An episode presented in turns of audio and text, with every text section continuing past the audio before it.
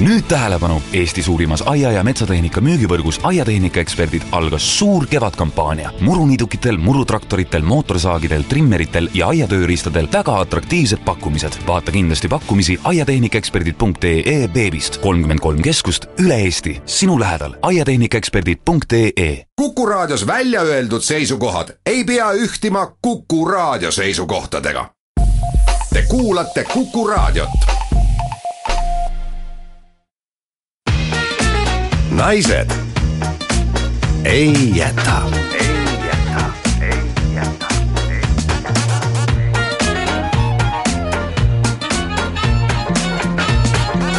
naised ei jäta.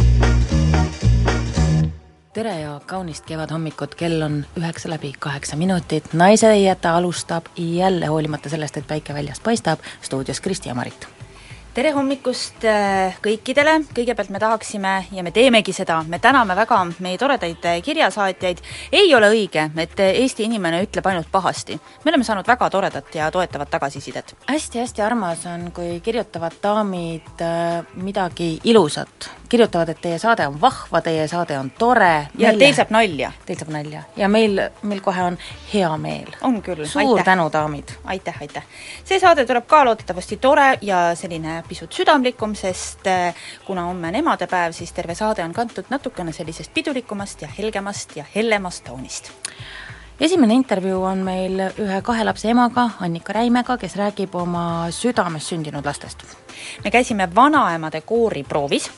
Ja siis on meil äh, vestlusring loomulikult emadepäeva teemal ja vestlusringi on täna kutsutud meil Kuku raadio emad. kui mäletate vestlusringi isadepäeva eelsest saatest, siis seal olid meil Kuku raadio isad, vastukaaluks tegime emade vestlusringi, ega me ei saa siis seda asja nii jätta, naised ei jäta naised ei jäta seda asja mitte kunagi ei jäta nii, nii. Ja midagi me ei jätnud veel nii. absoluutselt, me ei saanud jätta ühte asja veel nii. jaa, see on see, et Padjaklubi naistel on ja, ja meil, meil ei ole, ole no mida? nüüd on. nüüd on, nüüd on, kuulake, kuulake, ma ütlen, mis on. aga kuuleme kõigepealt veel ühe väikese toreda algusloo ja siis juba ajalehed.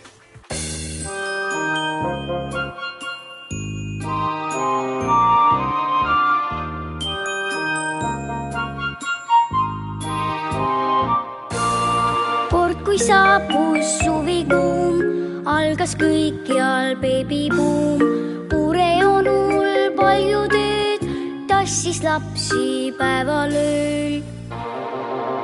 Uure onu väsis ära, lapsukesed segi ajas. ühel päeval juhtus nii, ta Hiina poisi Soome viis. daam ja härra Tokyos said pesu etsa Eskimo, neegrinaine sinisilmsed kaksikud. ilmarahvas kurvaks jäi, purkse sule sappa sai.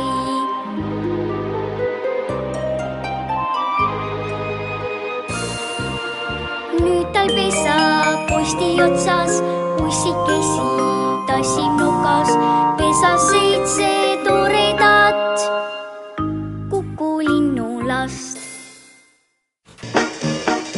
naised ei jäta.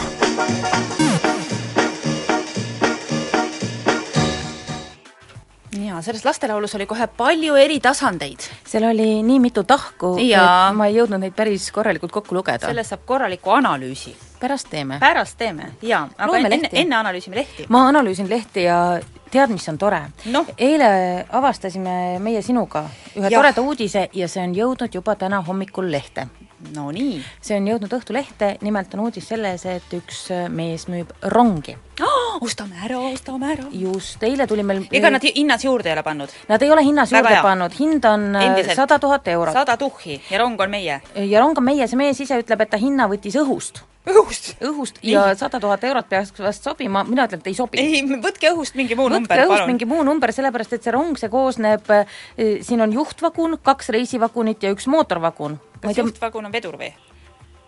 ma ei ole rongispetsialist, on öeldud juhtvagun, siis juhtvagun ta on. no selge. kokku on seda rongi sada meetrit, nii et kui teha väike arvutus, siis peaks olema nüüd tuhat eurot meeter jooksev meeter. seetõttu tekkis mul mõte, et ega me ei pea ju korraga sinuga seda rongi ära ostma, et me võime seda rongi hakata ostma niimoodi jupikaupa, nagu ostetakse paela või tülli või mm, -hmm, või midagi mm, -hmm. või linoleumi. Jah.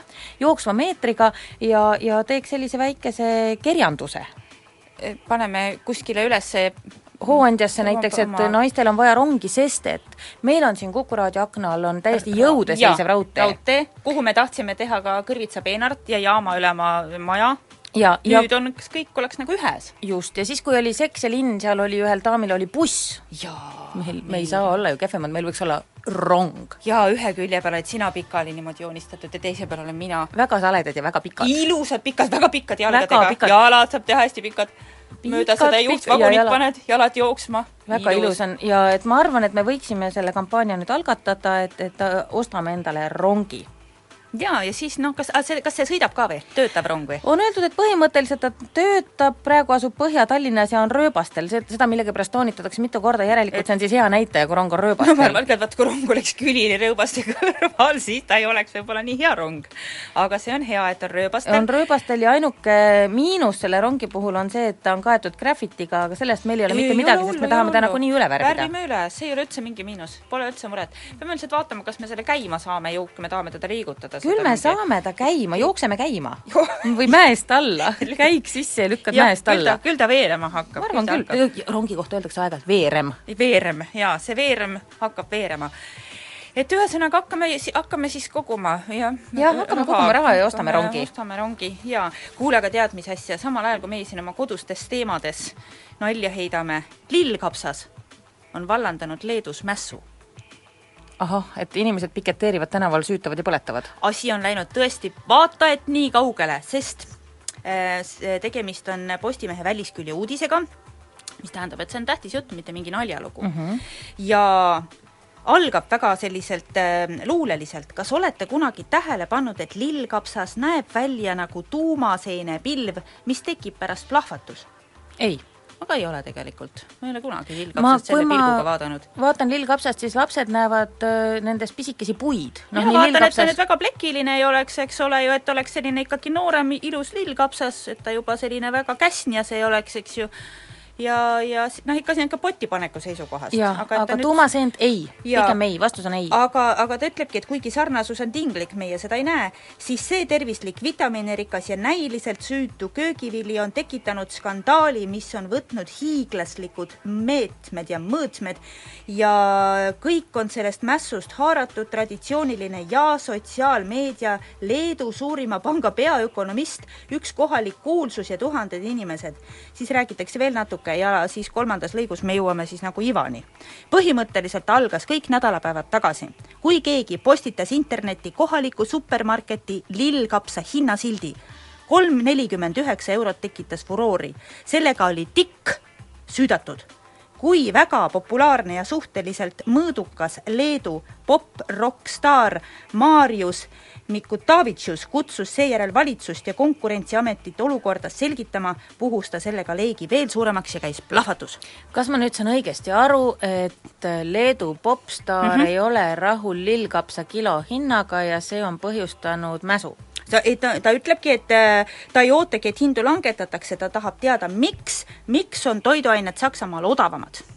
Vaat nii, ja, ja siis läks lahti, see postitus töötas nagu ahelreaktsioon, internetis käis plahvatus ja järsku rääkis terve Leedu. Lillkapsa hinnast mul on hirm, et äkki Leedu jookseb niimoodi laiali selle lillkapsa hinna pärast, et nad hakkavad oma kodumaalt põgenema. ja, ja sest et nüüd asjas ongi läinud asi sinnamaani, et kõik välismaal elavad leedulased on hakanud omakorda netti püstitama ja postitama oma fotosid hinnasiltidest ja ostutšekkidest, mis näitavad, kui palju odavamad on välismaal mingisuguste toidukaupade hinnad. no vot just. äkki tulevad siia? ei, väheseid. Leedus huvitab, et lillkapsa hind Eestis on veel kõrgem, meil on see kolm seitsekümmend üheksa. ai kuripatt. jah, nad ütleksid selle peale, et eestlaste keskmine palk on ka natuke kõrgem. kuule, kui see lillkapsa hind on kallis, ma hakkasin mõtlema, et kui, kui palju oleks selle rongi kilohind. kas sa kujutad umbes kallim, ette, et just, kas lillkapsas või rong, sest ma ei kujuta õrnalt ka ette, kui palju kaalub äh, sajameetrine rong no ta õhust võttis selle hinna ka ju, võimalik, et see lillkapsa hind on ka õhust võetud, ega me ei tea, kust neid hindu võetakse, seda tahabki Leedu pop-rokkstaar teada. minu meelest on see väga tore, et Leedus niimoodi selline noor muusik, ho-ho-ho, ei käi ainult lava peal, vaid ikkagi tõstatab küsimuse, nii, palun palve, Tanel Padar Jah, või, või Kasearu poiss, olge head, tõstatage palun sotsiaalmeedias ja ka tavameedias see rongi hinna küsimus, sest meid Kristiga see väga painab ja oleks tegelikult asjakohane, kui, kui nüüd rahva survel Jah, rongi rong hinda läheks alandataks, natuke odavamaks. läheks veits odavamaks või siis keegi leiaks meile välismaalt veidi odavama rongi. Postitage palun, palju maksavad rongid välismaal? jah, just kui me saame äkki odavamalt.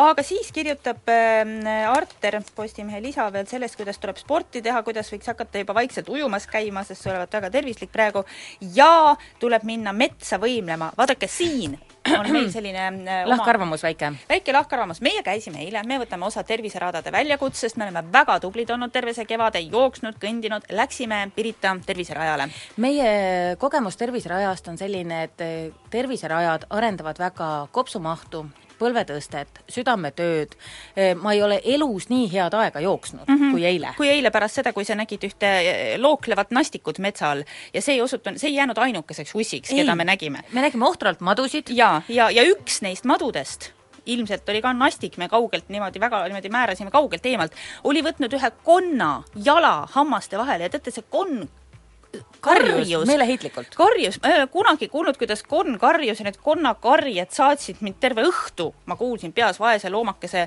kriiskeid ja, ja, ja jube, jube, mis seal No, looduses hetkel käib. kõige jubedam on see, et meie alles käisime siin paar nädalat tagasi ja aitasime pangega konnasid üle tee, uhu. jah, otse ussi lõugade vahele, ussi pessa. nii et Eestimaa Looduse Fond, palun algatage uus kampaania, hakake nastikutele viima metsa näiteks sushit või räime või ja. midagi, mida nad armastavad, et nad ei peaks neid vastselt päästetud konnasid Jah. siis niimoodi sisse lahmima.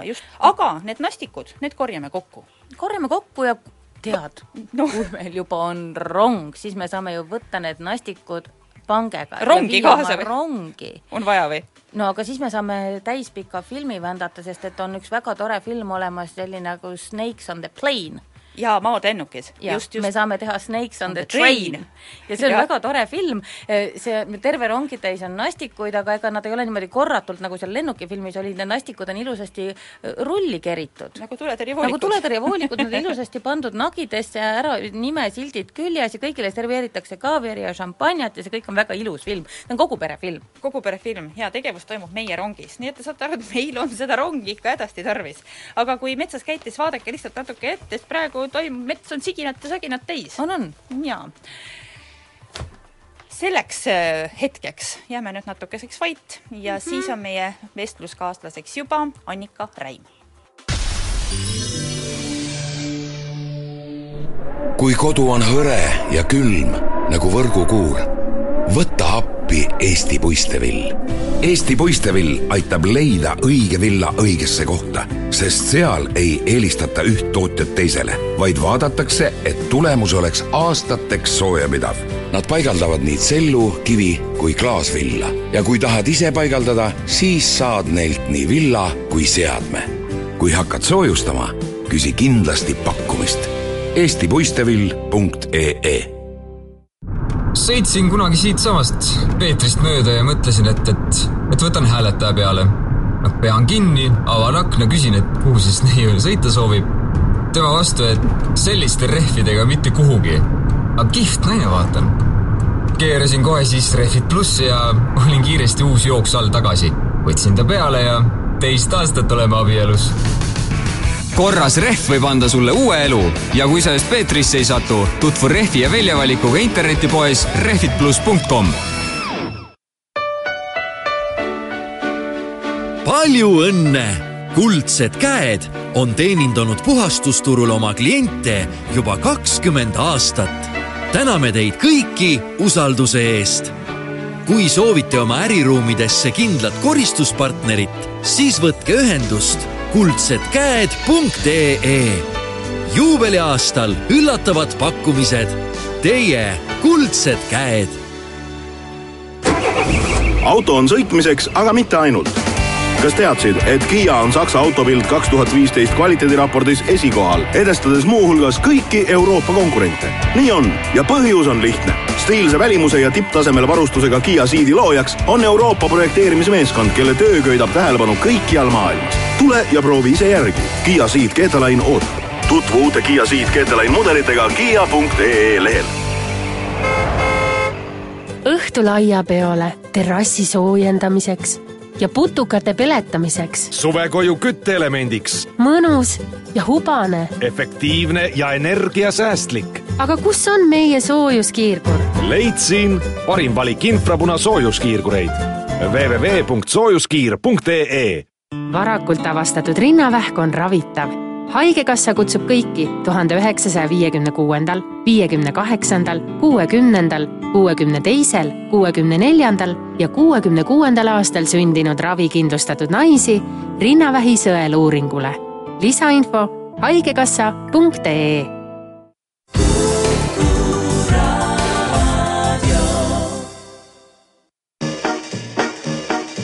naised ei jäta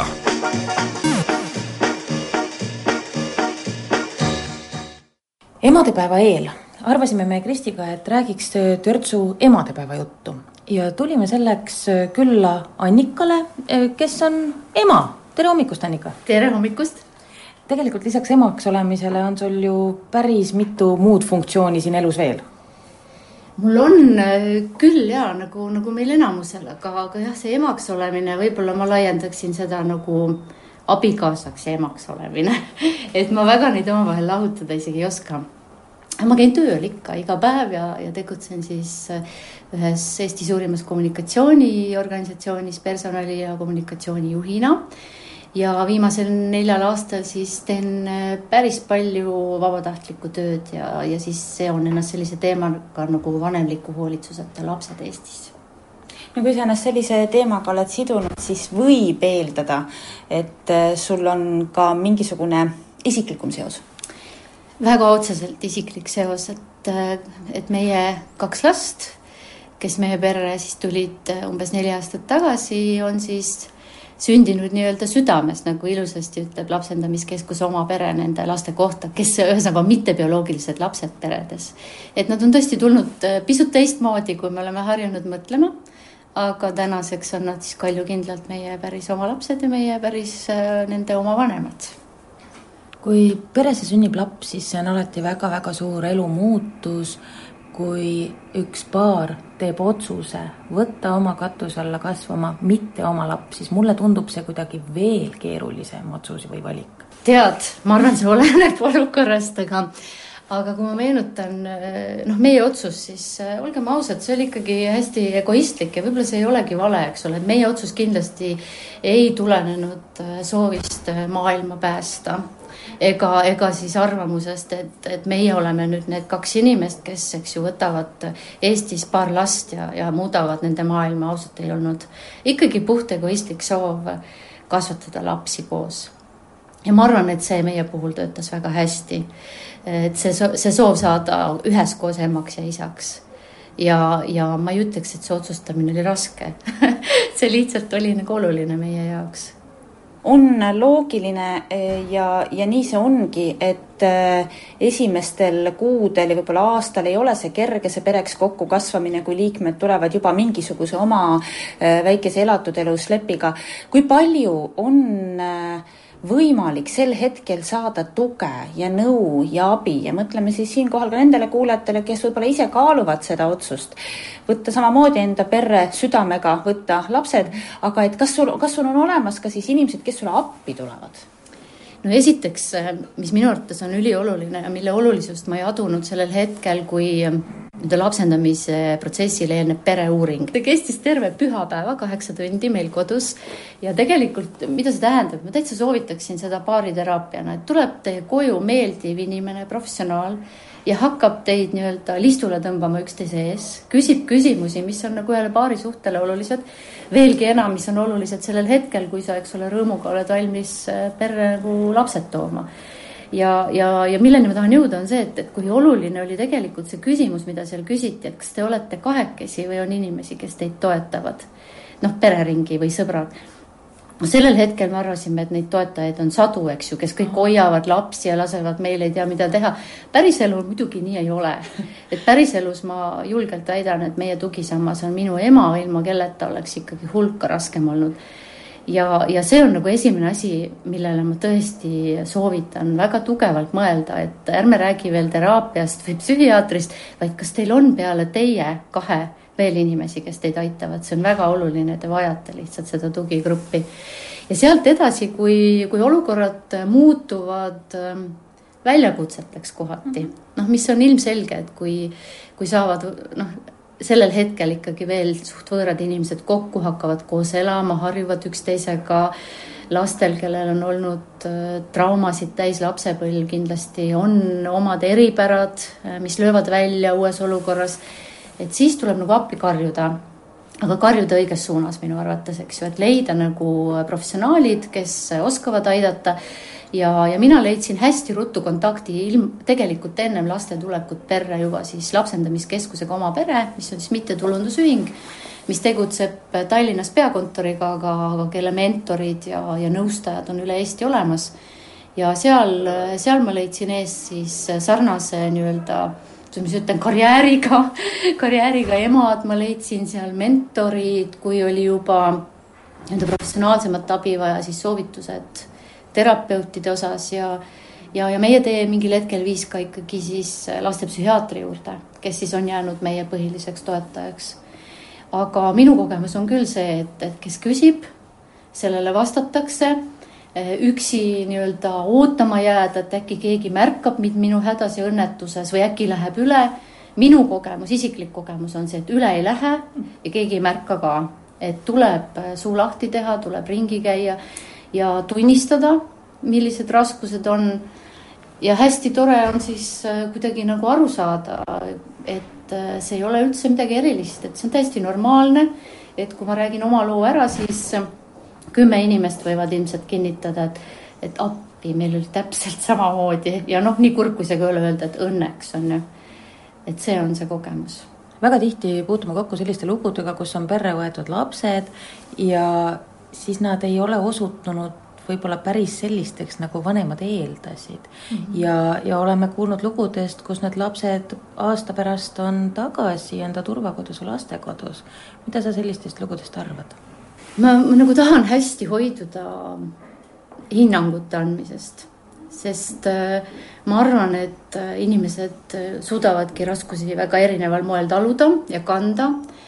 ja võib-olla on see nüüd ebapopulaarne mingis ringkonnas, mida ma ütlen, aga ma arvan, et, et kui ohus on inimeste tervis, võib-olla nende senini väga hästi toimiv abielu, kus võib-olla on oma bioloogilised lapsed kasvamas. mina ei mõista hukka inimesi, kes ka jõuavad selle otsuseni, et nad ei tule toime ja selleks, et võib-olla kahe, kolme, nelja inimese nii-öelda vaimset ja muud tervist ja tulevikku säästa, nad teevad sellise väga raske otsuse. no ma ei usu, et seda tehakse lihtsalt, ma tõesti seda ei usu. ma arvan, et see hingevalu pärast seda on noh, väga, väga pikka aega kestab. aga, aga teisalt kindlasti on, on selliseid nii-öelda illusioonide luhtumisi, eks ju, et et noh, ei mõelda siis lõplikult läbi seesama oma võimekus äh, kohaneda, äh, kuidagi aktsepteerida seda, et see laps, kes, kes tuli, ei ole noh, see pilt, mille ma lõin kunagi, kui ma seitsmeaastasena mängisin nukkudega, kujutasin ette, kuidas ma olen ema. et, et selline mm, teadlikkuse puudumine ja, ja võib-olla tahe iseendaga tööd teha, seda ma taunin, aga siiski ma nagu selles mõttes ei anna hinnangut, et need on halvad inimesed või kuidagiviisi väärt nagu põlgust, kes on sinnamaale jõudnud. loomulikult on see ülimalt kurb lapsele, kes on korra hüljatud, on see väga traumaatiline kogemus, mis võib-olla on pöördumatu, aga noh, selleks ma ei ole nagu piisavalt spetsialist, et hinnata, et mis, mis siis veel saada võiks no teie pere on oma raskemad ajad läbi teinud, nagu sa ütlesid, tänaseks olete te kindlalt juba pere. kas teil on välja kujunenud ka omad juba sellised peretraditsioonid, mida te koos teete? Ja meil on, on neid nagu päris palju, et esiteks meil on äh, maakodu Muusaarel ja, ja see on koht, kuhu me siis kibeleme kõik äh, koos igal, igal võimalusel, mis meile elu ja töö võimaldab. ja hästi huvitav on olnud, äh, ma arvan, et see Muusaar on olnud ka üks tegelane meie selles kooselus, et et kui muidu me olime hästi, suhtusime säästlikult ja ettevaatlikult, kui lapsed tulid, et kus me käisime, kellega me neid kokku viisime, eks ju, et nad aeglaselt kohaneksid, siis Muhu oli selline koht, kus nad kohanesid autost välja astudes mm.. et see on see, mida teeb imeline loodus, on ju. et neile meeldis seal kohe, neil ei olnud probleemi kuivkäimla, jääkülma kaevuveega, aidas põrandal magamisega, ette ei ole telekat, ei ole arvutit, mitte midagi ei ole, ainult nemad on ju omavahel saavad mängida. kõik sobib suurepäraselt et Muhu, Muhus käimine, Muhule pühendumine on üks hästi oluline ühendav lüli meie pere jaoks ja mis me siis veel koos teeme, no me oleme proovinud reisida, sest kuna me tegime seda enne, siis me noh, kindel otsus oli see, et, et, et lastele me tahame ka pakkuda võimalust maailma näha. ja, ja selliseid retki me võtame koos ette, me oleme selles mõttes ka noh, superkangelased oma tutvusringkonnas, et me siis kolme lapsega, kuna, kuna meil on üks abikaasa bioloogiline tütar ka kambas, me oleme käinud kolm korda autoga mööda Euroopat reisimas tundide viisi. see on igale perele paras väljakutse. ja, ja, ja me noh, meie oleme siis nagu ära teinud need, need osad ka nagu oleme Austrias käinud ja oleme jõudnud otsaga Horvaatiasse, ühesõnaga tundide viisi siis autos ka koos loksunud. ja, ja iga korraga läheb nagu paremaks, ütleme nii kindlasti oli sul väikese tüdrukuna mingi ettekujutus, milline ema sa oled suurest peast. Nüüd sul on pere, sul on lapsed milline ema sa oled? no ma arvan, et ma olen päris range ema. ma, ma väga nagu loodan ise ja usun, et ma kombineerin seda ka siis äh, väga suure armastusega. aga, aga üldiselt ma vist jah, esindan sellist nagu korra ja, ja noh, mingite põhimõtete järgimise nagu psühholoogiat. aga ma ma kujutasin, kui ma olin väike tüdruk ette, siis ma tahtsin hirmsasti õpetajaks saada. ma nagu mõnes mõttes sain ka, sest ma omal ajal lõpetasin veel tol korral pedagoogilise ülikooli õpetajana. ja, ja igat-, olen igatsenud seda tööd tegelikult kõik need aastad, kuna ma ei ole seda kunagi teinud pärast ülikooli. et, et mis ma olin väike tüdruk, siis ma tahtsin olla õpetaja, et siis mul on lapsed ka, et eks ma natuke saangi selline olla, ma arvan et ma saan oma last, lapsi päris palju nagu, nagu juhendada ja õpetada ja mitte ainult selles mõttes nagu koolitarkust jagada, vaid hästi teadlikult nagu elutarkust ka jagada nendega. oma elu jooksul olen mina päris mitu korda näinud äh, nii kontserditel kui muudel ülesastumistel selliseid äh, lapsekesi, kes tegelikult realiseerivad enda vanematel uhtunud unistusi, olgu see siis ballett või viiulimäng, no olgem ausad, see paistab välja. kas sinul on äh, ka mingeid unistusi, mida sa läbi laste realiseerid või oled sa selline väga realistlik lapsevanem? Tead, minust on saanud väga realistlik lapsevanem ja no ütleme nii, et jalgpalli ma pole ise kunagi tahtnud mängida, eks ju, aga poiss mängib. aga ilma naljata, minust on saanud väga realistlik lapsevanem. ma täiesti tunnistan üles, mul on olnud üks megaunistus, ma olen ise lõpetanud Raua tänava kooli kahekümne esimese ja ma olen unistanud, kuidas minu lapsed selles koolis käivad, et ma saaksin jälle nagu käia seal koolis, mis on mulle nagu hästi-hästi hea mälestus. no kumbki ei käi seal koolis ega ei hakka käima võib-olla et, et see on selline mm, nii-öelda siis luhtunud unistus, mis on olnud täitsa tõsine unistus, kui ma nagu praegu isegi rääkides selle peale mõtlen. aga näed, ma olen suutnud sellest loobuda, nad on leidnud endale siis koolid, kus nendel hea on olla. mitu korda päevas sa mõtled, et tegelikult sa oled ju väga õnnelik inimene? kogu aeg mul on selleks isegi lisaks spontaansetele mõtetele ka täitsa omad rutiinid ma igal hommikul mõtlen selle üle ja panen isegi kirja, kui nüüd päris ausalt üles tunnistada. Eh, ma kirjutan üles asju, mis on eh, mind rõõmustanud. kui ma hommikul üles ärkan, meenutan eelmist päeva. ja hästi huvitav on see, kõikidele soovitan, isegi nendele, kes ei usu mingit, mingeid nagu meie nii-öelda väliseid energiaid, et et minul on küll olnud nii, et sellest ajast, kui ma seda teen, on mul aina rohkem põhjust asju kirja panna ja mitte ainult seda, et päike paistab, vaid lihtsalt asjad hakkavad minuga juhtuma ja siis ma saan nende üle rõõmustada ja siis juhtuvad uued asjad. aga üsna tihti on nende asjade esirinnas, mis ma hommikul kirja panen, et ma olen väga tänulik oma perekonna eest, päris tõsiselt ma usun, et emadepäev ei pruugi olla kõikidele daamidele väga suur rõõmupidu, eriti neile, kes on aastaid, aastaid, aastaid proovinud ja unistanud luua endale pere, kuid see ei ole mingil põhjusel välja tulnud. mida sa sellistele naistele ja ka meestele oskad soovitada? Mina saan soovitada oma isikliku kogemuse põhjal. ühte võimalust siis, siis leida oma perrega laps ja lapsed, kes tulevad sinna nii-öelda tavapäratud teed mööda. ehk siis nad on kuskil olemas ja, ja teil on võimalus nendega kokku saada ja kui nüüd rääkida terminitega, siis, siis ma väga julgustaksin mõtlema alates võimalusest, mida võib-olla väga ei teata, olla näiteks asenduskodu, mis on siis lastekodu pigem siis meie inimeste jaoks, kasvava lapse tugiisik mis tähendab selles mõttes lihtsalt sõbraks olemist ametlikult ühele lapsele, kellega on võimalik siis suhelda, aega veeta.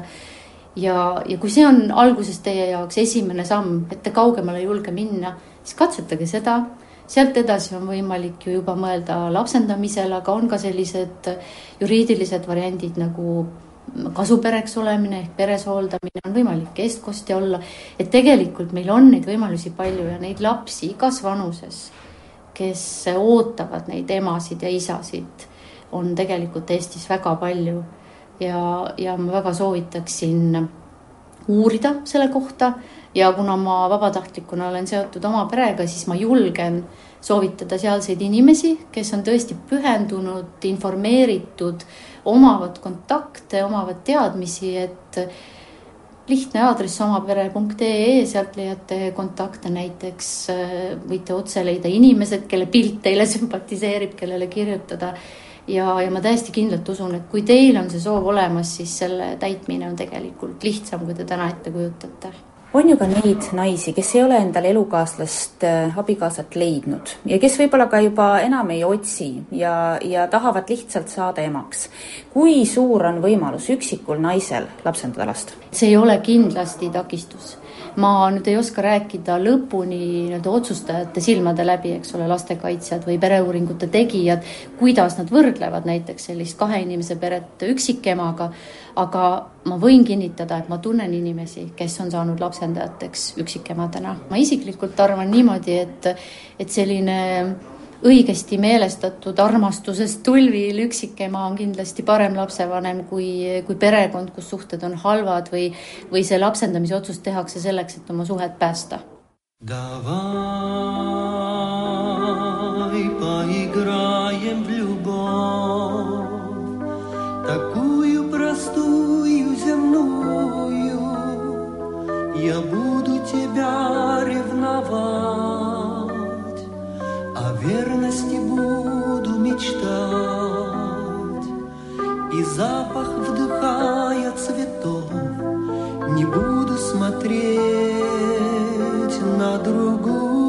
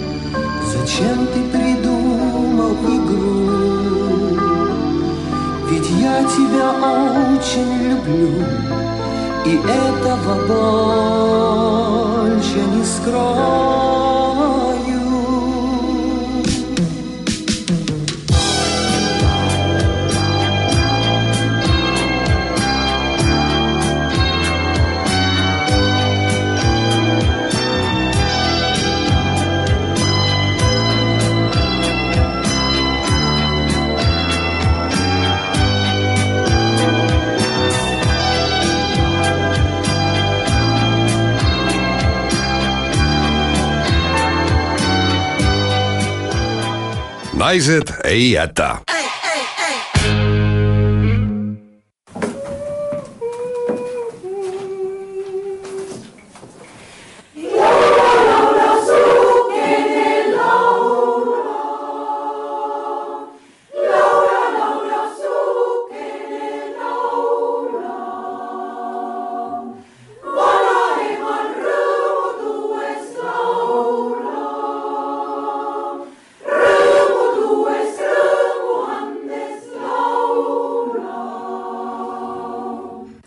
isadepäeva eelses saates käisime me külas Nõmmel eakamate härrasmeeste klubil, mida nad ise nimetasid päris lõbusalt ja otsekoheselt vanameeste klubiks.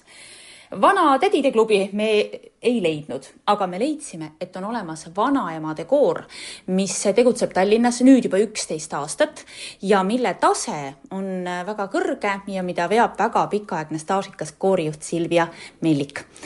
tal on abiks ka teine koorijuht Reet Ratassepp ja meil on vestlusringis veel kaks kooriga seotud daami, saame tuttavaks. Sirje Õigus, koorivanem. Milvi Haldna, kroonik liigume üheteistkümne aasta tagusesse aega, kuidas Vanaemade koor sündis? see koor oli äh, üsna, üsna ootamatu äh, meile, sest äh, siin majas oli ansambel, kelle juhendaja lahkus tervislikel põhjustel ja mulle tehti ettepanek, et tulgu ma tulgu ma mm, nende, neid juhendama. ma ütlesin, et ma hästi ansambliga mm, ei teeks tööd, aga meelsamini äh, kooriga, et võib-olla äh, moodustame ühe väikse naiskoori ja nii, nii saigi alguse Vanaemade koor aga millest selline nimevalik, et miks te ei valinud endale nimeks laululinnud või ööbikud, millest selline pealkiri Vanaemade koor? mis paneb üsna nagu paika selle liikmeskonna, sa pead vanaema olema. no meie esimeseks lauluks oli Lembit Verlini laul Vanaemale. ja kui koorile nime panemine tuli päevakorda, siis äh, leidsime, et et see sobib meile kõige enam. nii et võib-olla, et päris kõik ei olnudki vanaemad, aga enamus meie lauljatest on tõesti selles väärikas seisuses. ja on saanud vanaemadeks, meil on üldse sada seitsekümmend kuus lapselast ja lapselapselast ja üks staažikamaid ongi meil Milvi Haldna, kellel on kümme lapselast ja lapselapselast kokku. kuule, natuke rohkem on, aga no,. no kuusaliselt rohkem. ei jõua lugeda. kolmteist. kui te võtate oma koori vastu uusi liikmeid, kas siis lisaks lauluoskusele peab tingimata olema vanaema? ei, see ei ole kriteeriumiks. Äh, äh, kõigepealt peab olema äh, ennem kooris laulnud, ükskõik siis millises kooris me võtame endisi koorilauljaid vastu endale. no teie kooril on ju tegelikult äärmiselt tihe esinemisgraafik. kuidas te vastu peate sellele? peame vastu. ma arvan, et meil on aastas kuskil viisteist, kuusteist esinemist. eelmisel aastal oli kakskümmend. ja Kontsert. palju üritusi, aga me käime ka igal aastal kuskil kaugemal kodust, nagu öeldakse. sel aastal me väga kaugele ei lähe, meil on ainult Pärnu ja Tõstamaa aga eelmine aasta me käisime Prahas, üle-eelmine aasta olime Göteborgis ja, ja ka Peterburis käisime. möödunud aastal me käisime festivalil Prahas seal oli igasuguses vanuses lauljaid ja põhiliselt kuulajad olid teised koorid. aga neid oli seal mitukümmend ja see oli meile ka väga edukas ja väga, väga tore sõit. Teil läks seal ju väga hästi, eks ju? jaa, meil oli menu oli huvitav ja oli huvitav küll Praha linnaga tutvuda ja kõik oli väga, väga hästi organiseeritud seal.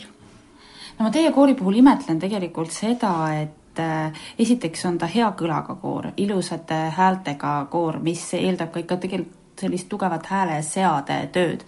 Äh, ja sedagi, et ma vaatasin, me saime siin väikese kontserdi osaliseks, väga vähe oli neid daame, kes sõnu ja nooti piilusid sõnad on peas, ilmselt on siin ikkagi päris korralik töödistsipliin.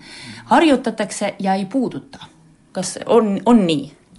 jah, see on tõsi, ega meie vanaemad eh, ilma põhjuseta ei puudu, sest mulle tundub, et, et see vajadus laulda on muutunud juba elustiiliks ja, ja eh, igaüks tahab endast anda Äh, laulu kaudu oma hinge avada ja, ja see tal õnnestub, kui ta käib kohal.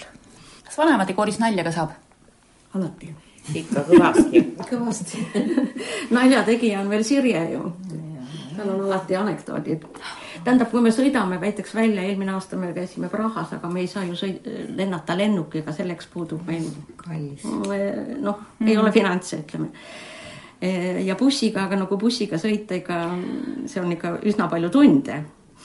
et siis, siis on noh, need anekdoodid ja siis selle koha, kus me siis läbi sõidame, selle, keegi räägib sellest siis, mis noh, mis maa ja ja Sirje on meil jah tuntud anekdoodi rääkija. vastava riigi anekdoodid. ja vastava riigi anekdoodid. jah aga mida teie lapsed ja lapselapsed selle peale kostavad, kui vanaema kaabib mööda ilma ringi ja muudkui laulab, kas teil nende jaoks üldse siis aega jääb? jaa, kümme-kolmteist last, lapselast, mis nad kõik mõtlevad?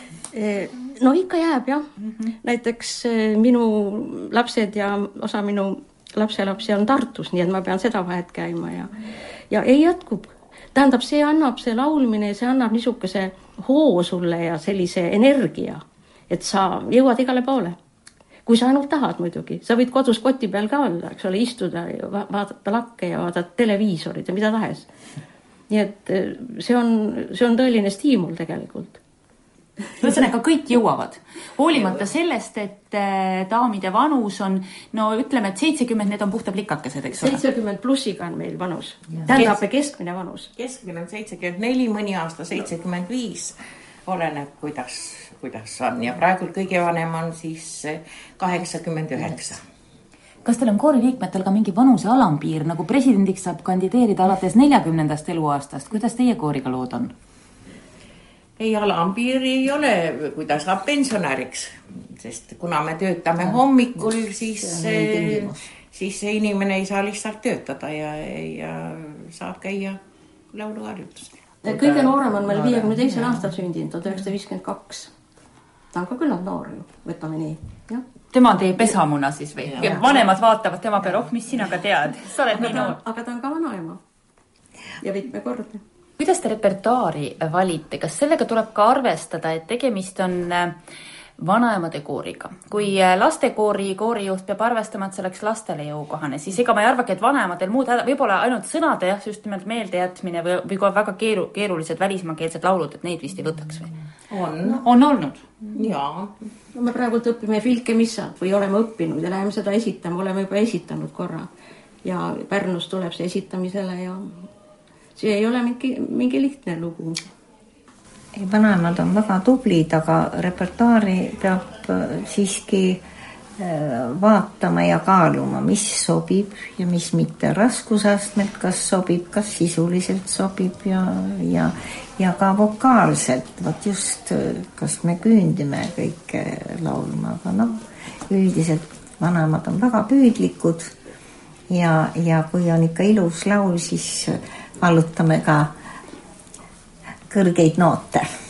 ja ilma selle noodist laulmata, ma ei tea, kas selle, sellepärast, et me oleme eluaeg laulnud või lihtsalt jäävad laulud väga kergelt meelde. muidugi ma mäletan, kui me alustasime, siis ikka seda hääleseadet tuli väga mõelda, mis on kasulik, mis viib neid uuesti sellele laululainele, et üldse, sest suur enamus tul-, tulevad ikka niiviisi, et pole tükk aega laulnudki ja ja et, et ka ja pelgavad, et oh, ma, kas ma ikka saan ja ja meil on kogemusi, et no võtab aega, mis võtab, aga, aga kes tahab ja hoolega kohal käib, see hakkab laulma uuesti. ma saan aru, et lisaks sellele kooris laulmisele on teil ka väga-väga särtsakas ja tihe seltsielu selle koori ümber, kas see vastab tõele?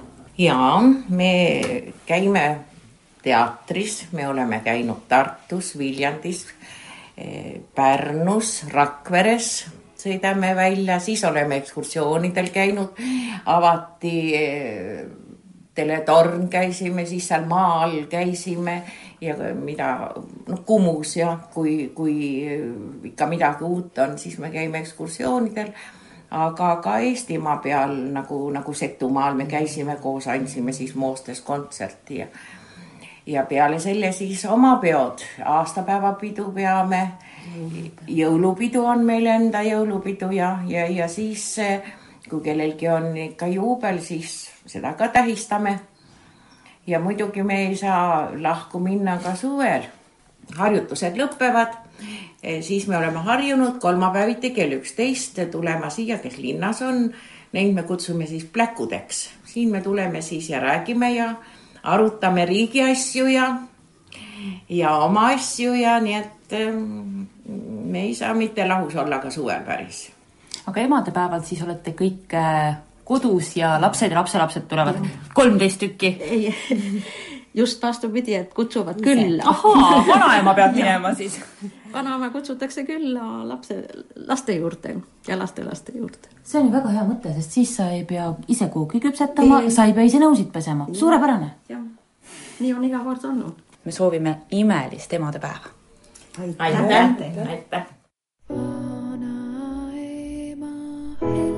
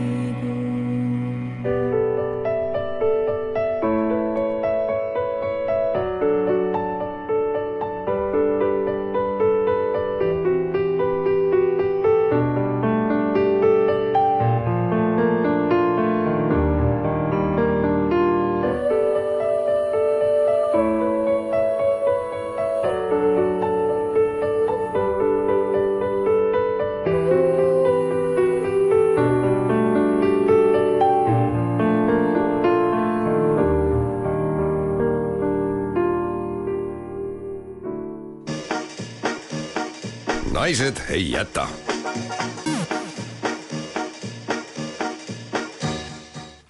kell on saanud kümme läbi kaheksa minutit ja päike paistab. Seda me võime täiesti kinnitada, sest Marit ja Kristi käisid seda just õues kontrollimas. ja me käisime muuhulgas kontrollimas, ega see meie rong ei ole vahepeal kohale toodud ja ei olnud. ei olnud, kõik oli tühja täis. jaa, tühi raudtee seisab jätkuvalt jõude meie akna taga, panime pildi üles ka, et raudtee on tühi oma Facebooki lehele, naised ei jäta, minge vaadake, seal on ka see rongi kuulutus, et kui kellelgi ikkagi on üleliigne õhust võtta sada tuhat eurot, siis üks rong oleks väga tänuväärt kingitus. ja kui tervet ei jõua, ostke meile pool rongi. aga ise. jah, ostke ise, ärge varastage aga äh, nii, kuidas asjad tavaliselt ongi, meil ei ole midagi ja siis me teeme need asjad lõpuks ikkagi ise valmis ja järgnev lõik ongi selle elavaks tõestuseks. naised ei jäta. varsti saabub suvi, saabub jäätise hooaeg ja meile saabus sellega seoses. Nagu võis ajakirjanduses neil nädalatel lugeda, Padjaklubi naised said oma jäätise, mis olevat kooreplombiir, mida ümbritseb krõmpsuv jogurti vaarika glasuur. Nad olla enne mõelnud ka, et kas välja anda pigem jäätis või hoopis pihvid ja nad otsustasid jäätise kasuks. no meie, meie otsustasime, et meil ei ole kumbagi meil ei ole kumbagi, me teeme ise. jah, sest mida me teeme alati siis, kui me avastame, et meil midagi ei ole? ise teeme. ise teeme, me ei jää millestki ilma. see oleks ka suhteliselt tüütu, kui me seisaksime mõnes suures selvehallis, korvid näpus seal külmleti kõrval nõutult ja ootaks, kuni meie nimeline jäätis müügile tuleb. palun tehke meile jäätis, me ei oota looduselt. ande. jah, ande ega ka tootjatelt me toodame selle jäätise ise ja kuna me toodame selle ise, meil on lai valik maitsete osas. suurem osa jäätiseid, mida meil Eestis müüakse, lausa võiks öelda, et enamus, on kõik magusad. aga meie teeme soolase sest meil on ka toitumiskava ja me mõtlesime, et noh, me tahaks oma jäätist süüa, et siis ei tohiks väga palju juurde anda.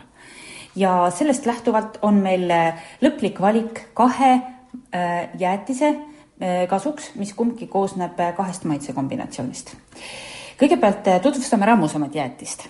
rammusam jäätis on tõenäoliselt taljele väga ebasõbralik, kuid sees toitev. vaevalt, et ta nüüd nii ebasõbralik on kui päris jäätis või? on, on. aa, ikka sama ebasõbralik. päris, ühesõnaga tuleb päris jäätis, nii. ja me nimetaksime selle siis äh, ma arvan, et sellest tuleb selline singijuustu jäätis, loomulikult tuleb lisada, et me ei ole varem jäätise tegemist proovinud, seda enam, et soolase jäätise tegemist proovinud, magusat ma olen isegi mõned korrad teinud mm. -hmm. no aga sul on see tehnoloogia käpas, et me teeme singijuustu jäätise ja teine jäätis on pühendatud Eerik Urgu toitumiskavale. see sisaldab kõiki neid komponente, mida võib julgelt süüa ja see saab olema ähm, kana suvikõrvitsa või kui soovite kana tsukiinijäätis, kuhu sisse me lisame ka maitsestamata jogurtit ja loomulikult natuke kookosrasva.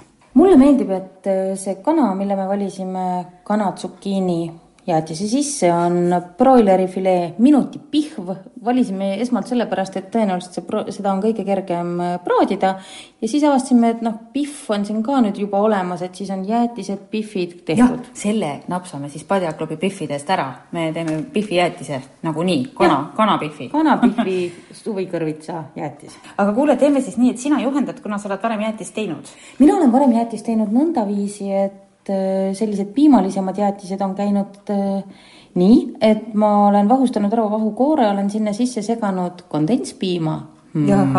ja siis pannud selle kõik ilusasti külma. selge, aga me segame ära teised asjad lihtsalt.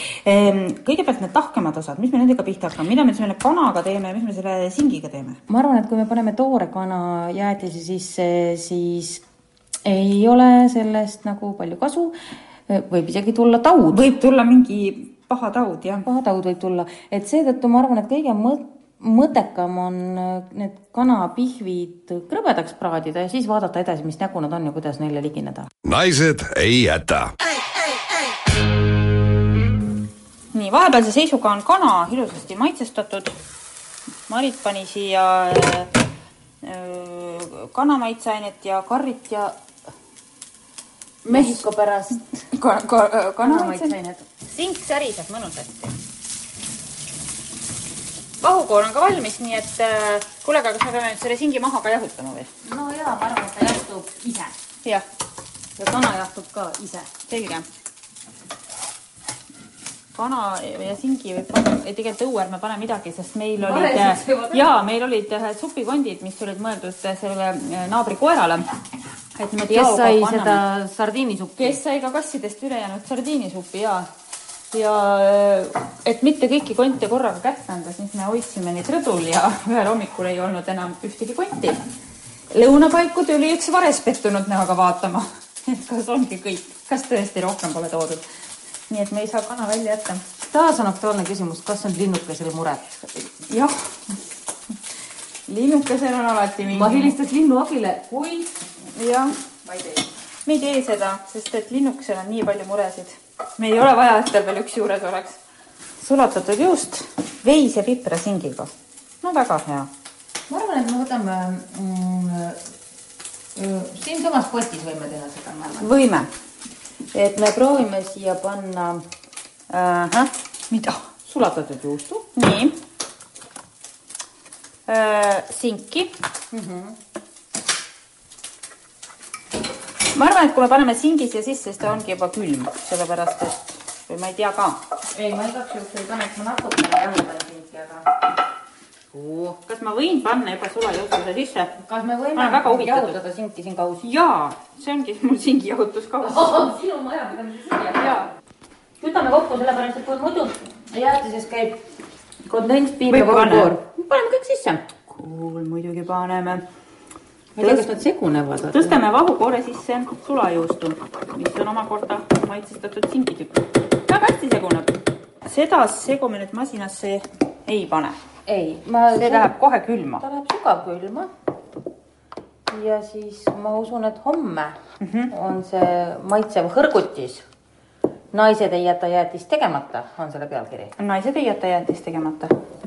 ja siis see peaks olema homme juba täitsa tore. teine tuleb väga tervislik jäätis, me segame kausis kokku maitsestamata jogurti, lõigutud kana, riivitud suvikõrvitsa ja paneme selle segu siis jäätisemasinasse. jah, aga ma ei tea, kas see suvikõrvits nüüd öö, toorelt, elusalt, selle paneme siis masinasse viimasena, sest muidu ta sureb sinna täitsa ära. jah. teeme nii, et paneme selle maitsestamata jogurti, mille segaks enne läbi mingi öö, karrivärgiga. no jaa, sest meil on kana. ja siis kana paneks pärastpoole. paneme karvist ka või? muidugi. ma panen seda ka. noh, väga vedel. ja maitse, ei no ei ole hullu. maitsestamata jogurtist saab maitseainete abil täiesti talutava olluse. nii tipikastme. jaa, praegu ta on tipikaste. aga ma panen siis äh, jäätisemasina seina. pane seina. naised ei jäta ma panin masina kinni, sest masin lihtsalt ei jaksa seda kana kinni pläusti siin enam ringi ajada. aga see on külm ikkagi. külm on ja ma arvan, et me kangutame ta karpi. oi jee. ja omapärane. praegu ta näeb välja natukene nagu see tursa, tursamaksa öö, või mingi tuunikala, aga natuke heledam, jah. selline kollane. see tsukiini on siia tekitanud ainult sellised Kihi- ni- niidikihid. niidikihid jah, tekstuuri on. selle kohta öeldakse kokasaadetes on tekstuuri. On. on, on. värv ent jääb selliseks sinepias, kahvakate sinep. aga ei, ta ei ole kole. ei kole taga ei ole. Kakao mingisugused või karamellijäätised näevad ka sellised välja. Need ja need nidid surume lihtsalt kokku. nii, võta endale lusikas ja proovi. lausa mm. -hmm. me muidugi saame praegu siit alles sellise esialgse maitse, sest et äh, ta peaks ju ka seisma võib-olla natuke. Äh, ja maitsed imenduvad siis paremini. kuule, kas siit ühe üldse kaheks tuleb? ei, ei tulegi. no siis tulebki üks torp. Singijuustut on rohkem, loodame, et see tuli ka hea. no vaata, singijuustut tuli sellepärast rohkem, et vahukoor lihtsalt on vahuline mm. -hmm. ja seda oleks me jogurti vahtu peksnud mingi meil lihtsalt on ainult üks jäätisemasin ja me tahtsime kaks sorti kibekiiresti korraga valmis teha. kas see, mis jääb üle, selle sööme ära või? loomulikult mm. -hmm. Maritil on teki-, tekkinud selle jäätise suhtes isegi täiesti soojad tunded, ta juba rääkis siin midagi palavast suvepäevast ja kartulist. jaa, tegelikult on niimoodi, et kui ma ei sööks seda asja jäätisena. unustage lihtsalt, et ta on jäätis. jaa, et vahvli sees rannas pigem ei. pigem ei, jah. aga kui on selline tõeline palav suvepäev näiteks, kujutate, juuli kolmkümmend kraadi mm -hmm. puievilus sina tahad lesutada, aga midagi peaks nagu mõistlikku sööma. siis tegelikult sellise värske kartuliga, pisikese värske kartuliga seda külma pläusti võtaks küll mm. -hmm. nii, no võtan ka esimese sellise rusikatäie, mis on suurem ja millest ma saan äkki aru, et mis see siis nüüd on. huvitav. no kreftine. nii, osa, on jah kreftine, põhi on nagu rohkem hmm.. Ta ei ole ju paha. ta ei ole paha ja kui sa ootad, et ta sööb, sulab sul see ülejäänud ära, siis sa jõuad kanani, mis ta on jumala loogiline kanatoit. see külm viskab kerge segaduse jah. aga kuum kartul võib täitsa abiks olla jah. ütleme, et me ei ole teinud asja, mis ei kõlbaks süüa. ei, ma arvan, et see kassisupp oli palju kassisupp. kassisuppi ma ise ei tahtnud maitsta. Ja me, me ei maitsnudki, me natuke proovisime sardiinikonservi, aga see täitsa chill, täitsa chill, pane ka külma. ma arvan, et seda sindijuustu on vara proovida. ma arvan ka, või sa ikka väga tahaks? oo. no, noh hmm.. Pole ka paha või? maitset ikka on või? maitset on nagu putru. ahah. tema põhiline häda. noh, on. et ta on jube rammus, nagu tohutult rammus jäätis. jaa. Ta on ikka nagu või, et seda mm. -hmm. võiks panna leiva peale. kindlasti. täiesti tuima näoga võiks seda määrida. ja, et vahvliga ma ei kujuta ette, kuidas seda süüa, aga samas ootame. rukkinäki leiva peale ma määriks. jah. jäätist. jah. aga me tegime jäätise, me ei teinud määret. me peame ikkagi panema ta toimima jäätisena. aga kus on olemas reglement, kuidas tuleb süüa jäätist, vaata jäätisel tehakse ka selliseid brikette, kus pannakse kahe äh, vahvli vahele jäätis mm. Mhm. -hmm. sellest saaks teha täiesti Kahe rukki. kahe rukki mm -hmm. näkileiva vahele. brikett. brikett ja ma usun, et see toimiks väga hästi. nii võib küll. aga mõlemad on head mm. -hmm. mul tuli mure. noh, mul, mul tuli ka. mul tuli mure seoses sellega, noh. hambad, hambad, tühja neist. mis lõhna on, see on nii külm vastu hambaid, oota. räägi. Mure on mul äh, selline, et kui tavaliselt need eksperimendid, millega ma ise ei ole rahul olnud, on tegelikult kokkuvõttes osutunud mm. -hmm. nagu tegelikult positiivseteks, et ükskõik, kas me, kas me teeme peekoniroose või teeme ennast Elsadeks, siis inimestele see on meeldinud. me, me ise oleme olnud nagu väga skeptilised. nüüd seekord on esimene eksperiment, mille tulemusega mina tegelikult olen nagu rahul mm. -hmm. et mulle meeldib see kana ja tsukiinijäätis keedukartuli kõrvale, Jah. mulle meeldiks see briketijäätis, briketijäätis rukki näkileiva vahel oleks täitsa tore niisugune hõrk krõmps, siis mul tekkis see mure, et aga kuidas see kaubanduses hakkaks nagu toimuma mm? kuidas see üldse nagu inimkonnale mõjuks? on ainult üks äh, viis teada saada, me katsetame seda kõigepealt äh, omade peal. katsetame seda omade peal, katsetame seda oma vestlusringi daamide peal. ja nii et kuulake, kuulake vestlusringi, õige pea katsetame seal ka esimest, naised ei jäta jäätist tegemata jäätist.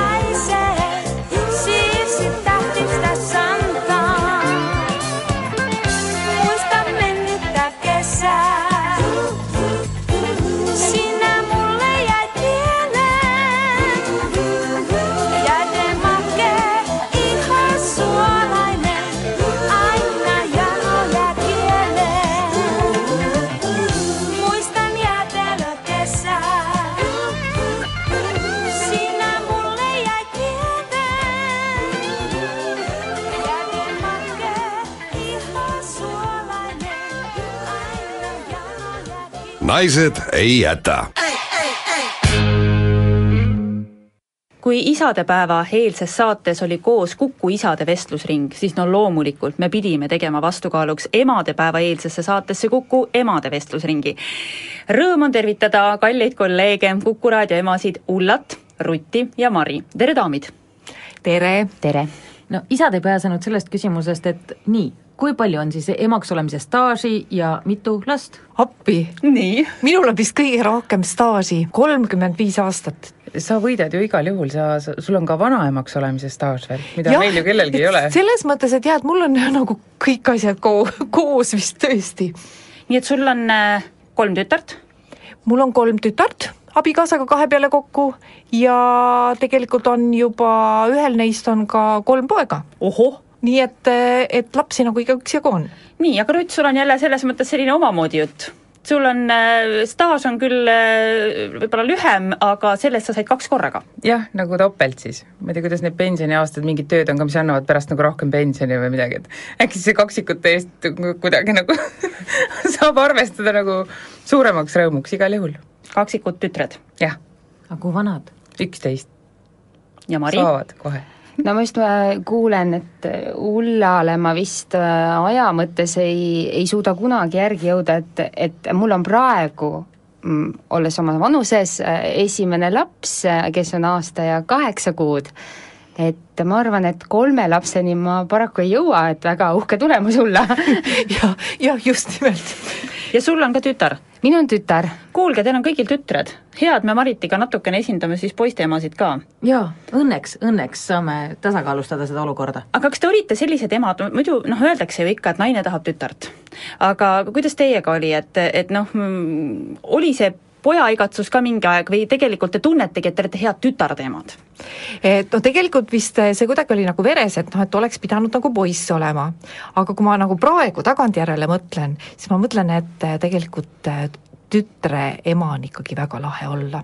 et ma ei räägi nüüd sellest esimesest viiest aastast või esimesest kümnest aastat, aga vaat ma tõesti räägin sellest esimesest kolmekümne viiest aastast, võib-olla kui mul oleks pojad, siis ma räägiksin teistmoodi, aga, aga mul on hästi hea meel, et mul on tütred.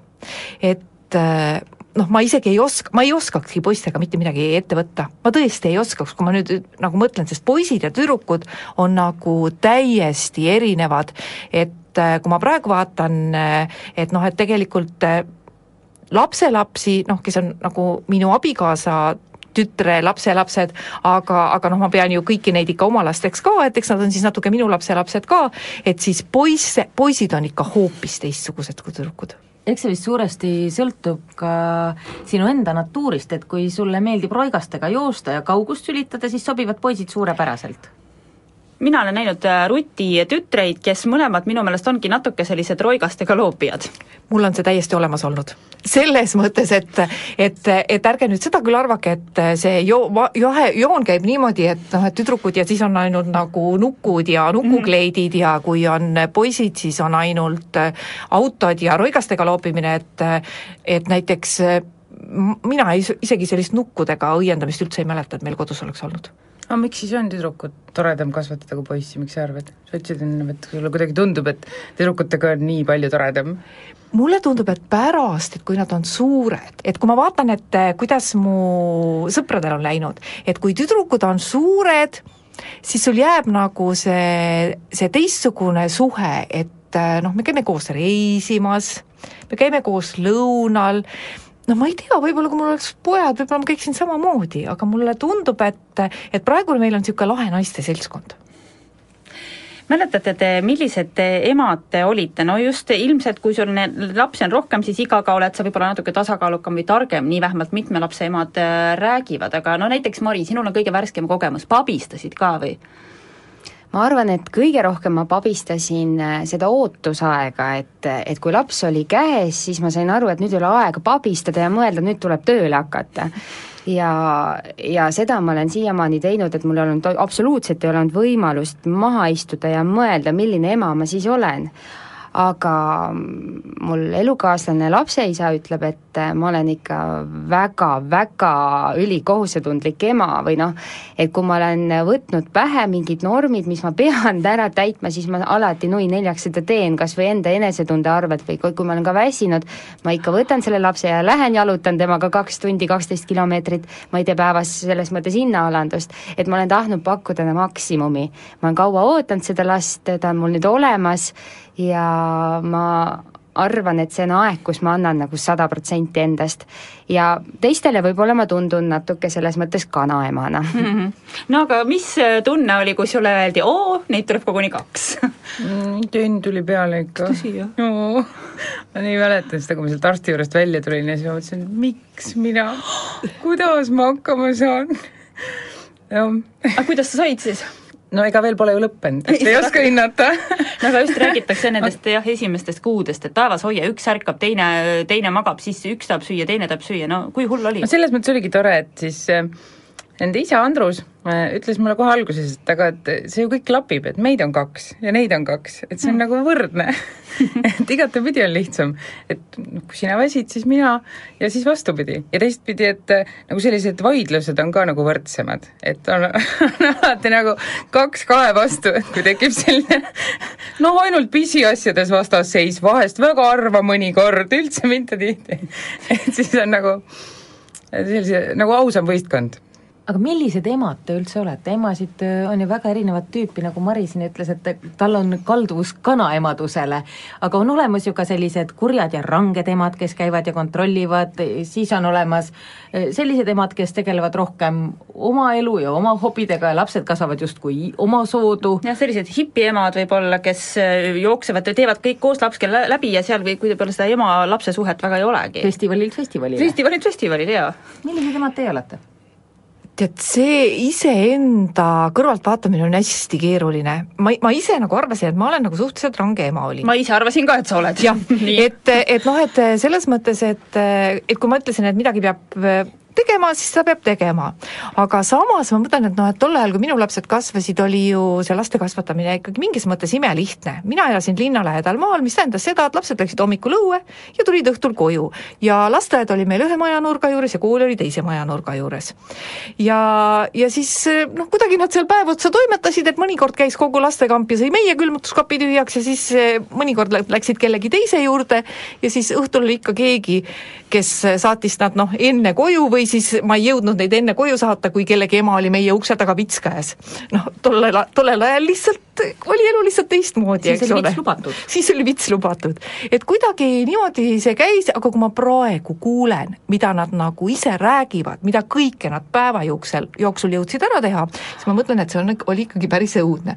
et kuidas nad üle Emajõe järve jää käisid teisel pool loomi toitmas ja, ja honni ehitamas ja siis kus seda kõike praegu nad on hakanud seda rääkima, mida, mida ma siis kõike ei teadnud, siis ma mõtlen, et äh, tegelikult oli neil seda eneseotsustamist hästi palju. Ja, ja praegu ma nagu vaatan, et see on tulnud hullupööra kasuks. et nad pidid ju ise võtma vastu otsused, et kus on see piir, et mida võib teha ja mida enam ei või teha. ja eks nad muidugi ületasid piiri ja eks läks äh, lihtsalt õnneks, et midagi ei juhtunud. aga, aga ma arvan, et äh, kui mul praegu oleksid väikesed lapsed, siis ma lihtsalt tüütaks nad surmani ära, sest ma niimoodi vahest äh, pabistan, kui need väikesed seal meil on. et noh, et keegi kukub või keegi saab haiget või midagi juhtub ja siis äh, nagu lapsed meil ikka naeravad, et mis te arvate, et kui teid juures ei oleks, et siis me tapaks oma lapsed ära või, sest nendel noh, võivad nad kõlkuda seal diivani ääre peal või hüpata trepist alla ja noh, nad võtavadki asja niimoodi, et aga kui juhtub, siis juhtub, saab haiget, järelikult järgmine kord enam ei tee. et, et ma arvan, et noored vanemad on selles mõttes toredad, et nad ei surma nagu lapsi ära oma keeldude keskudega minu meelest ka, et just see, mis sa rääkisid, et see, mida iseseisvam saab laps olla tegelikult ju, see on nagu ma arvan, kingitus talle eluks kaasa, noh. et ta õpiks ise otsustama ja kui juhtub, siis juhtubki, noh, et, et see ongi oluline, õppida seda. et kuidas siis reageerida, kui juhtub või mida teha või, või kuidas siis teisi aidata, kui kellelgi teisel juhtub, et, et ei ole alati ema see, kes, kes on olemas või isa, kes aitab. et tuleb ise ka olukordi lahendada. kui palju sinu lapsed tähelepanu pärast võistlevad? Noh, kaks tükki ja kuidagi võib-olla seda, kas nad tajuvad seda ka, et nad on ju tegelikult väga ühesugused? ei ole, ei ole ühesugused. ei ole üldse, jah? ühe mune kaksikud on? ei, ei ole? erinevad. aga nad on nii sarnased no.? välimuselt minu meelest ma jään ei juurde selge täiesti erinevad lapsed. aga ei pea aga..., ei pea tähelepanu pärast võistlema? ma ei, ma ei tea, ma arvan, et mitte rohkem kui tavalise pere lapsed, selles mõttes, kus on lihtsalt õed ja vennad. et selline mingi võistlus ju ikka on, et et vahest tahab üks rohkem tähelepanu ja vahest teine, aga et ma ei arva, et see kuidagi nagu erilisem oleks kui lihtsalt ühe pere lastel. Eestis on millegipärast selline seisukoht ikka väga valdav, et lapsed justkui on ema pärusmaa, et isa läheb tööle, ema on lapsega kodus. no nii see on kuidagi välja kukkunud Eestis. Kuidas teie, daamid, väikeste laste kõrvalt üldse sellist tööd saite teha, kui, kui uudistetoimetaja tööpäev algab väga varavalges, lasteaiad on veel kinni? kuidas te teete seda? No minu puhul ongi selles mõttes äh, veel traagilisem lugu, et äh, minu lapse vanaemad mõlemalt poolt siis elavad Saaremaal, et mul ei ole tegelikult mitte kellelegi toetuda. et äh, laps on ka minu jaoks liiga väike, et, et teda veel lasteaeda panna, küll sügisest hakkab nüüd käima ja ma saan töökoormust suurendada, aga me oleme teinud elukaaslasega sellise kokkuleppe, et, et ma saan kord nädalas ikka tulla uudiseid lugema ja, ja minu jaoks on tohutu energia ikkagi tulla hommikul kell viis siia ja, ja lõpetada kell kaksteist ja jätkata tegelikult päeva siis oma lapsega. et nii kaua siis on hoidnud seda last minu lapse isa. et kuidagi kahe peale me oleme võtnud selle sellise kokkuleppe, et me saame sellega hakkama ja, ja praegu on nagu ilusti jooksnud neli kuud. eks suvel, kui ma nüüd tihedamalt hakkan käima, eks ma siis saan kas omad vitsad või siis nagu jälle järelduse, et kõik on võimalik, kui hästi planeerida no minu lapsed kasvasid üldse teisel ajal, et siis äh, ma, ma isegi ei mäleta ausalt öelda, et kas siis juba oli see mingisugune aastane kodus olemine või isegi ei olnud, sest et äh, kui mu vanem tütar sündis, siis ma käisin ülikoolis ja siis polnud nagu mingit vahet, et äh, ma läksin äh, kohe kooli tagasi ja siis see käis kuidagi niimoodi, et mõnikord oli ta vankriga kursusekaaslaste juures, mõnikord oli ta auditooriumi akna taga ülikooli peahoones, aga niimoodi oli kõigil, sest et meil kõigil kusagil kolmandal kursusel sündisid tol ajal lapsed, et, et kõik said hakkama ja siis olid mõned kiuslikud õppejõud, kes lihtsalt ei lasknud eksamile, sest et ei olnud kohal käinud ja neil ei olnud see argument, et kõik on ju selgeks õpitud eksamiks.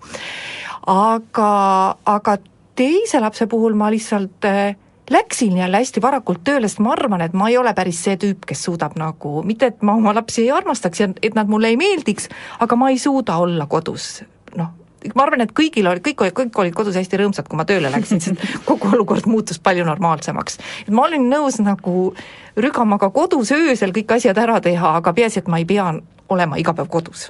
daamid, emadepäev ukse ees, kuidas teie peres äh, emadepäeva peetakse? mina võin ausalt üles tunnistada, et äh, minu jaoks on emadepäev selline päev, kui ma pean öösel panema endale kella helisema, et käia pissil ära. sellepärast, et ma tean, et hommikul äh, läheb nii kohutavaks kolistamiseks köögis. ja siis, kui ma üritan magamistoast väljuda, siis karjutakse, mine tagasi, kas sa ei näe, et me teeme üllatust, mis on loomulikult suur üllatus, ja siis ma pean seal toas kügelema noh, tund või kaks, kuni ma siis saan nagu nina ukse vahelt välja ja olen kohutavalt hämmingus ja üllatunud et mulle on tehtud kooki ja toodud lilled, kuidas teil lood? no ikka ka joonistused ja lillekesed ja aga pissida saab hommikul, et kahte tundi päris ootama ei pea. pildid on eelmisel päeval valmis tehtud.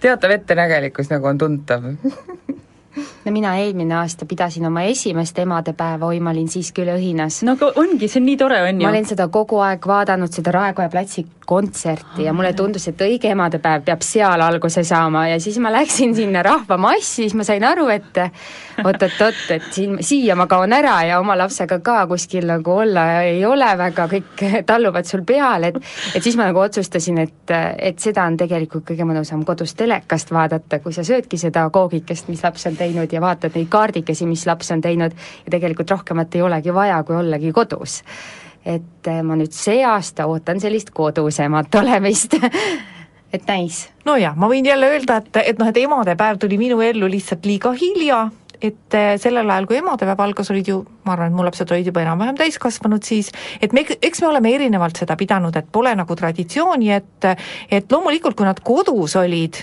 et siis ikkagi olid täpselt samamoodi, et, et olid need salajased koogitegemised ja nii edasi, praegu, kui nad on täiskasvanud, siis noh, eelmisel aastal ühte neist ei olnud Eestis samal ajal, sellel aastal vist ka ei ole, aga siis, siis meil on niimoodi, et kas me siis läheme kusagile lõunat sööma või siis sellel aastal ma täpselt tean, et mu vanem tütar tuleb koos sõbrannaga külla ja, ja ja üks ja, ja mu noorem tütar on parasjagu Strasbourgis sel ajal, nii et, et ikkagi noh, peetakse ikkagi igatimoodi, aga mit-, et seda nüüd kunagi tähistamata või märkamata oleks jäetud, et seda nüüd nagu küll ei ole, et oma emadepäeva lilled olen ma alati mingisugusel viisil kätte saanud aga siinkohal, head daamid, paljudes peredes emadepäeval ikka pakutakse midagi head.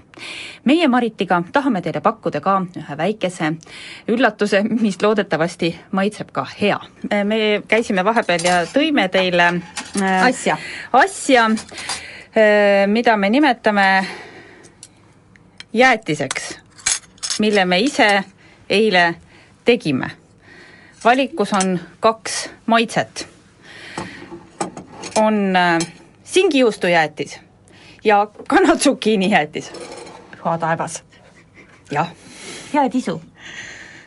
me ei ole teda ise valmis oleme proovinud nagu Marko Reiko pringuates, et Jaa, maitseme ja see lõhnab nagu jäätis vorstiga. eks ole huvitav?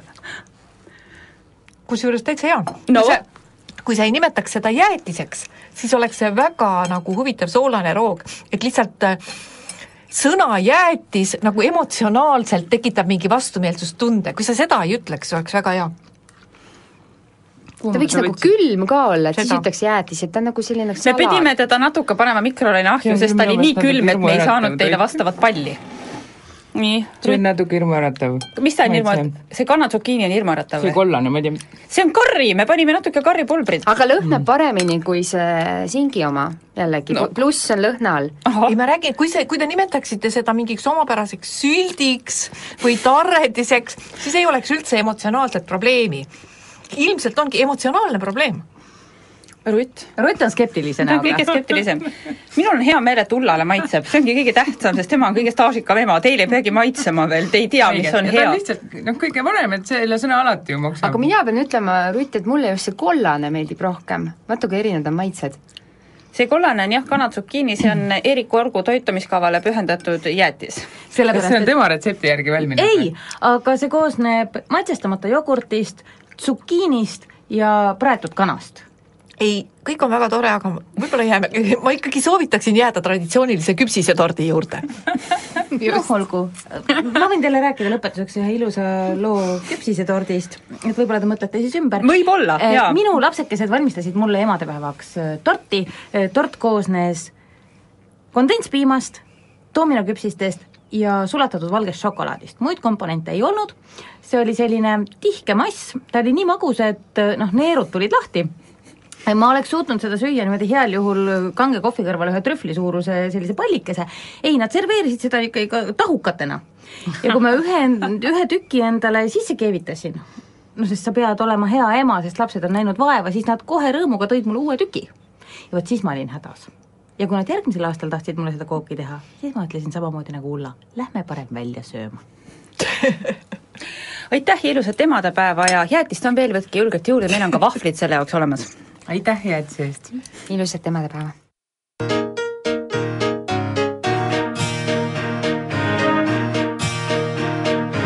ühe suvalise riigi peaminister istus ühel õhtul hilja oma kabinetis ja näris pastakat ja äkki kuuleb laua alt.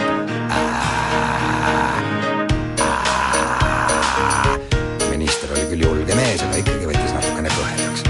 siis aga mõtles, kurat, ma olen peaminister. tõusis püsti, vaatas laua alla, endine peaminister sinna roninud ja teeb kolli. Have a break. You need a break, man.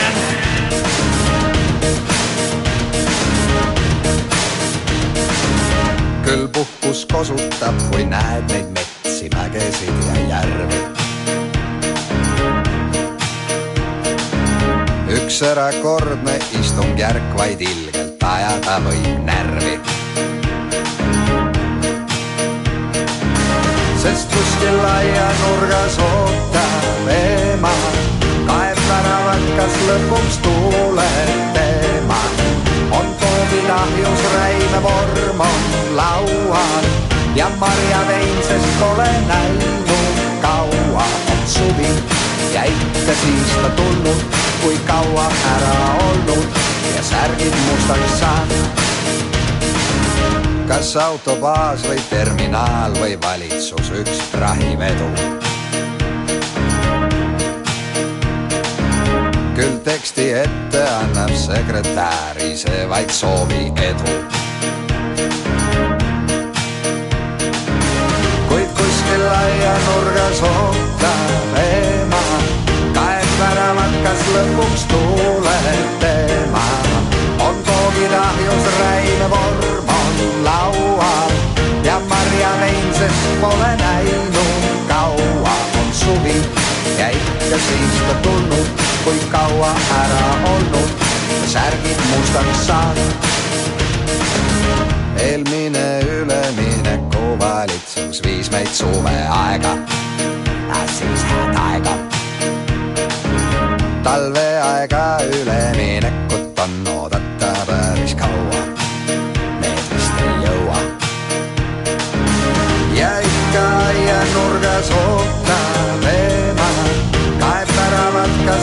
lõpuks tuuleb tema. on koogilahjus räime vorm on laual ja marjavein, sest pole näinud kaua. kõik ämbrid rehad peidab puuri taha, et lapsega ei juhtuks miski paha ta peseb kriimud, musi pistab valged ja lahkudes ta kaasa poetab palve, mis tuleb, kui jälle aega saab. naised ei jäta.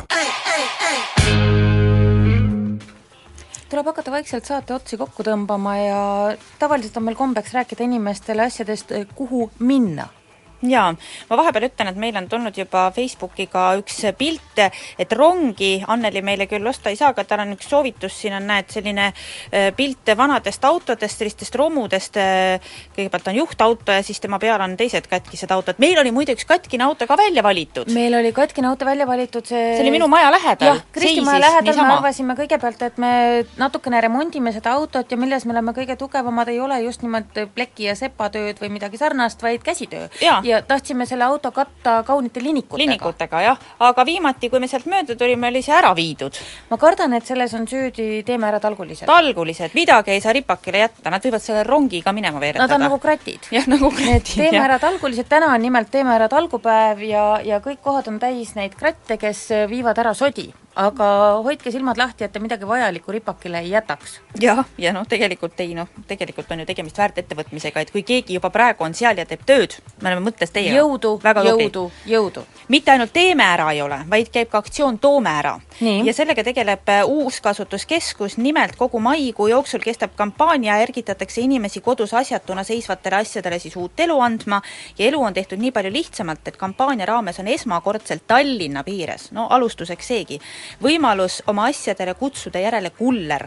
Või siis on ka võimalus hakata ise uuskasutuskulleriks ja natuke appi minna. selle kulleriga te-, teemaga on niimoodi, et, et siis alati, kui sa hakkad kulleriks, siis tuleb öelda, et ma olen ikkagi uuskasutuskuller, sellepärast et kui mõni noor inimene hakkab kulleriks, siis vanaema võib minna närviliseks, sest filmidest on teada, et kullerid vahel satuvad vangimajja tõsi ju, miks sa sinna vangimajja no., aa, et mingi vale kuller mingi vale kuller. aa jaa, ei siis olete uuskasutuskuller ja kindlasti peavad olema ju vaata mingisugused tõendavad dokumendid ka selle jaoks ja kokkulepped, sa ei saa minna suvalisse koju, öelda, et sa oled uuskasutuskuller ja klaveri ära tassida lihtsalt nii. jah, lased uksekella, ütled tere, olen kuller. Teil on see diivan üle, andke, andke. ja enne kui pererahvas jõuab öelda, et aga see jah, ei, ei, kõik on korras, jah, just. aga et eh, Uuskasutuskeskuse lehel info olemas, kuidas saada kulleriks, ise abi pakkuda ja kuidas kutsuda kuller kohale, kui on vaja mingi riiul ära viia. Siis toimub äh, praegu veel täie mühinaga luigelaat. jaa, seal on eh, Eesti maasikad on müügil ilge hinnaga, hullem kui see lillkapsas ja rong maksavad. jaa, no ma arvan küll, aga no eks esimene Eesti maasikas õige maitsega on ka magus ja no loomulikult, alles nad ju tulid, eks nad ongi kallid. nii et pingerida on niimoodi, et rong, siis on kõige odavam, jah, siis on lillkapsas. ja siis maasikad? jah, ma arvan küll. selge e, aga siis põhimõtteliselt kõige kallim asi oleks maasikaid täis rong. ai, see oleks kallis asi, jah ja.. garneeritud väikse lillkapsaga. väikse. nii, mis veel toimub? Euroopa päevast rääkisid? ei rääkinud No Euroopa räägi. päev toimub ja, ja see pidustused toimuvad Vabaduse väljakul Tallinnas, kuigi Euroopa päev tegelikult on esmaspäeval, aga otsustati, et peetakse nüüd ühe soojaga ära, sest ilm on soe ja ilm on ilus. soe, jaa. ja, ja seal toimub üks äh, vahva orienteerumismäng mm. Mhm. see on, äh, passidega peavad inimesed jooksma ühest punktist teise mitmeid erineva pikkusega ringe ja loositakse välja jõulisi auhinde, nii et et minge vaadake, äkki saate jala soojaks või midagi. meil on ka selline palve, et kui keegi kunstikäega inimene kujundaks meie jäätistele eh, ka paberid, me oleks väga tänulikud, siis me saaks paisata nad kohe ka ju lettidele. ja, et sest meil jäi seda veel mõnevõrra alles, et meie vestlusringi daamid ei suutnud Ei kõike ära süüa et meil on mõned portsud on alles, me Ja. saame nad kaunilt pakendada. et, et see lihtsalt peab olema peal, et on, naised ei jäta singijuustu, on ühe jäätise nimi ja kana, võite panna isegi kanatsukiini, kuigi suvikõrvits on see eestipärasem sõna, aga võib-olla suvikõrvits on liiga pikk sõna. aga tavaliselt sellised popid nimed müüvad. et kui on nad natuke võõrapärane ka, et siis pange kanatsukiini. tsuki- selle tsukiini võib Z-iga kirjutada lausa, siis on äkki veel uhkem. jah, nagu Zorro. nagu Zorro, jah, kanatsukiini, naiste, naiste jäätis. ja, ja jäätiseteost äh, panime me pildid juba enda Facebooki lehele üles ja panime ka tõestusmaterjali sellest, et meil ei ole rongi tulnud, ei ole rongi tulnud. rongi jah, jah, kui muud ei ole, siis eks me lähme vaatame selle äh, Anneli saadetud äh, koha üle, kus see autorong on, vaatame, äkki saab sealt, äkki ei ole veel teemääralised ära viinud seda. saame jaole. aga kõigile teile ilusat emadepäeva! ilusat äh, nädalavahetust ja homseks jah, tõesti, ilusat emadepäeva, kohtume jälle!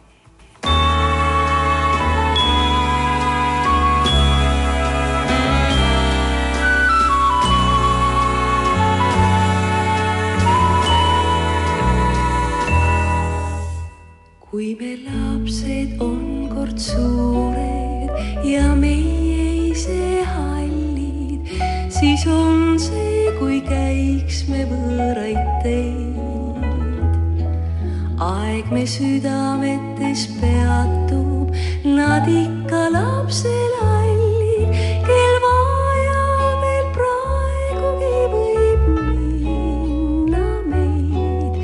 kui me lapsed on kord suured, nad lahkuvad me juurest ja tugevain õlul siis kannavad elu, mis lõppeda eal ei saa.